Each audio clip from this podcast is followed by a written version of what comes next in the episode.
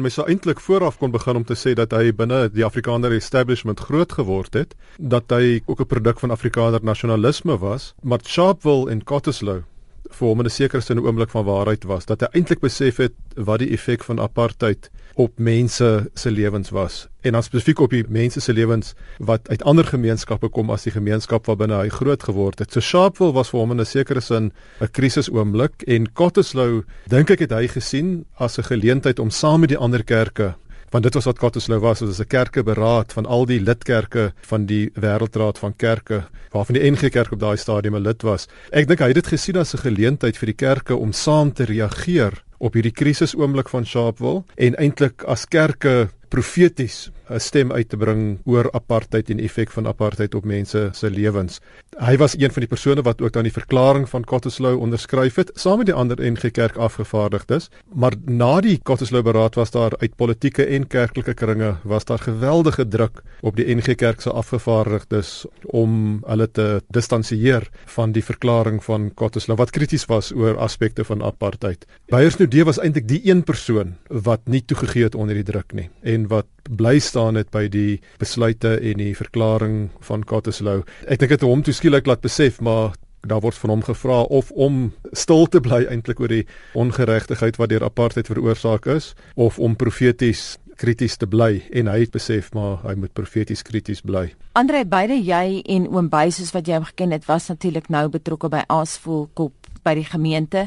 Trouwens hy was in jou gemeente maar hy het ook 'n geskiedenis met die kerk. Hy was die eerste predikant van Aasvoorkop ja. gewees in 1959 het hy in, in Aasvoorkop gekom en hy was daar tot 1963 en hy's daar weg om die direkteur van die Christelike Instituut te word. En toe sien hy vir baie jare daar's 'n toenemende vervreemding tussen hom en die NG Kerk gewees. Hy het uiteindelik 1978 uit die NG Kerk bedank, lid geword van die NG Kerk in Afrika en toe 1990 2000 het hy in ons gemeente se gebied ingetrek en toe weer 'n lidmaat van die gemeente geword en was dit onder andere my voorreg om vir die laaste paar jaar van sy lewe sy predikant te kon wees, betrokke te wees by sy begrafnis, later ook dan die Ilse Nudee se begrafnis te kon doen.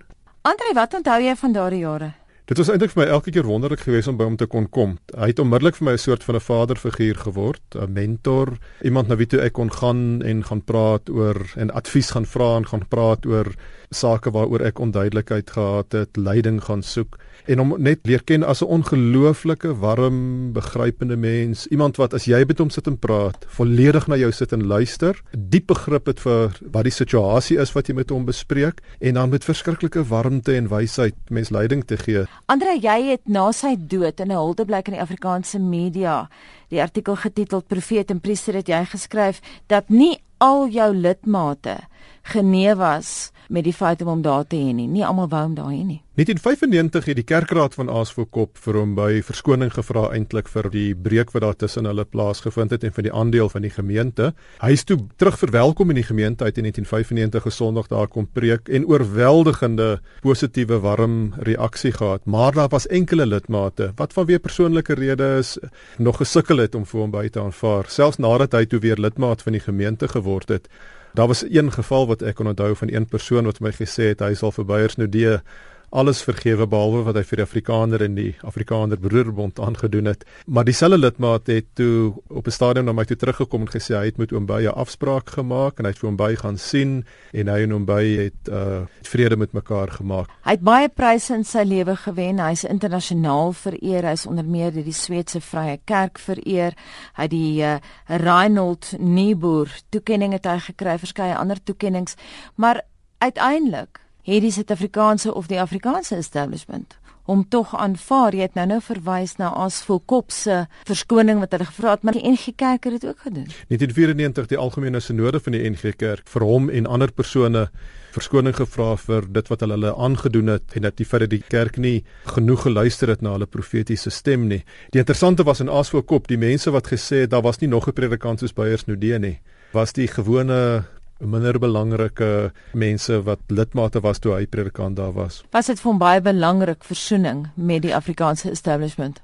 Versoening oor die algemeen. Kyk, die twee groot temas in sy werk en lewe en werk sou mens kon sê was geregtigheid en dan versoening. Dit was vir hom belangrik dat die Afrikaner gemeenskap opgeneem moet word en hulle self moet laat opneem in die groter Suid-Afrikaanse gemeenskap. En daarom was dit vir hom belangrik om 'n soort van 'n brugrol te speel. En dit dan sy grootste nalatenskap. Ek dink dis 'n groot nalatenskap. In die laaste paar jaar van sy lewe was daar by hom 'n toenemende besorgdheid oor die eerste soort gerugte oor korrupsie. Hy was baie ontstel daaroor gewees. Dit is vir hom 'n groot frustrasie dat daar nie vinnig gevorder is met die bekamping van armoede en ander forme van onreg nie. Ek dink op die oomblik sou hy baie besorgd gewees het oor die polarisasie, toenemende polarisasie wat daar weer in ons gemeenskap is, omdat vir hom belangrik was dat daar 'n 'n nuwe versoende gemeenskap tot stand moet kom. Ek dink hy sou ook teleurgesteld gewees het met baie van die onreg van die verlede nog nie reggestel is nie en in sekere gevalle voortbestaan. Die xenofobie hmm. op die oomblik sou vir hom geweldig uh, ontstellend gewees het.